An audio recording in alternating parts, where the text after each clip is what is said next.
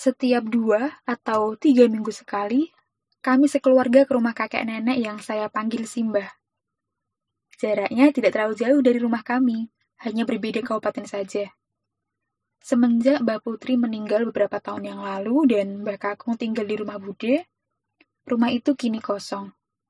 Meskipun begitu, rumah itu penuh kenangan. Bangunannya juga masih kokoh, kebun yang mengelilinginya masih terus berbuah, dan di sekitarnya juga tinggal kakak dan adik dari Mbak Kakung.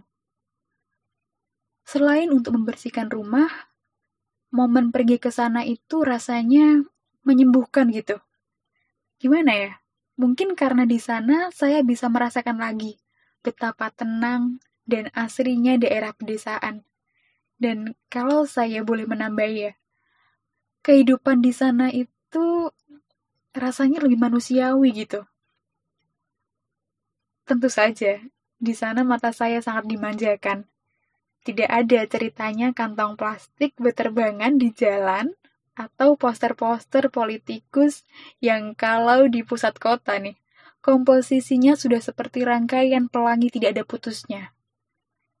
Di desa Simbah, saya suka sekali melihat hamparan sawah, petani yang sedang menyemai padi, anak-anak dengan penuh tawa naik di atas gerobak kayu, pasukan bebek yang berbaris rapi, dan gugusan pegunungan menoreh yang selalu tampak berkabut. Pedesaan mungkin memang tidak lebih unggul dari kota soal fasilitas pendidikan dan teknologi informasi tapi di sanalah tempat yang baik untuk memupuk budi dan kecakapan hidup. Kehidupan di mana manusia satu dengan yang lainnya dapat sama-sama menikmati hidup. Kehidupan yang tidak merampas hidup makhluk lainnya dengan rakusnya.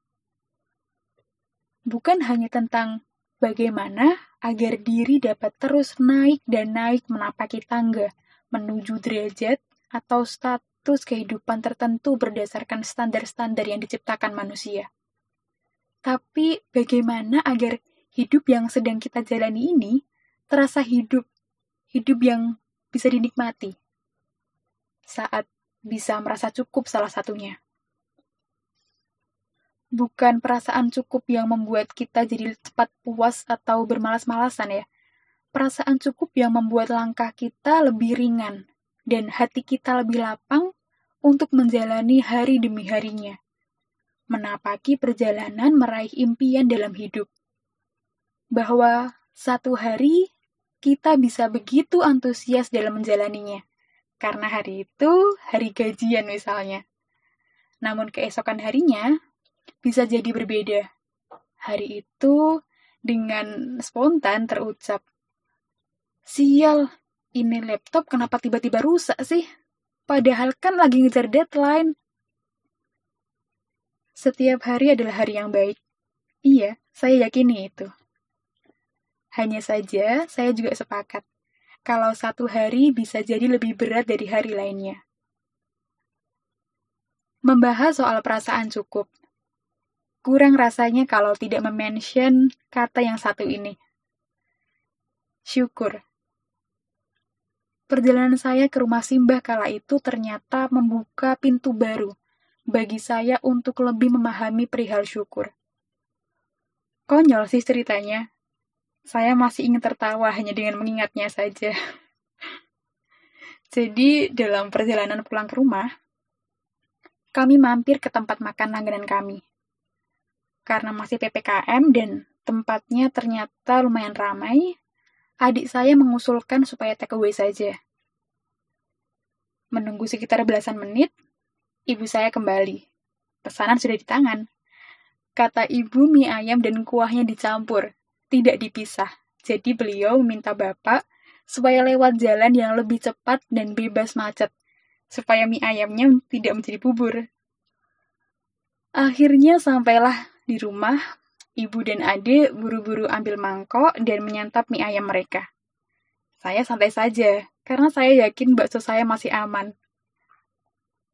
Saya yang penasaran meminta sedikit mie ayam adik. Saya bilang, meskipun kuahnya sedikit, karena mungkin sudah meresap ke mie, rasanya masih tetap enak kok. Sejujurnya saya saat itu malah lebih suka rasa mie ayamnya daripada bakso saya. Sudah dilahap habis mie ayam itu, hal yang sangat-sangat tidak terduga terjadi. Ternyata di bagian paling bawah kantong kresek ada dua kuah mie ayam yang bersembunyi di balik makan-makanan lainnya. Lumayan kecewa, tapi banyak ketawa. Betapa sangat disayangkan. Tapi tetap saja sih. Pada akhirnya kami sama-sama setuju kalau mie ayam itu sudah enak kok tanpa kuah tadi. Apalagi ternyata kuahnya kurang gurih. Sama seperti kehidupan pikir saya.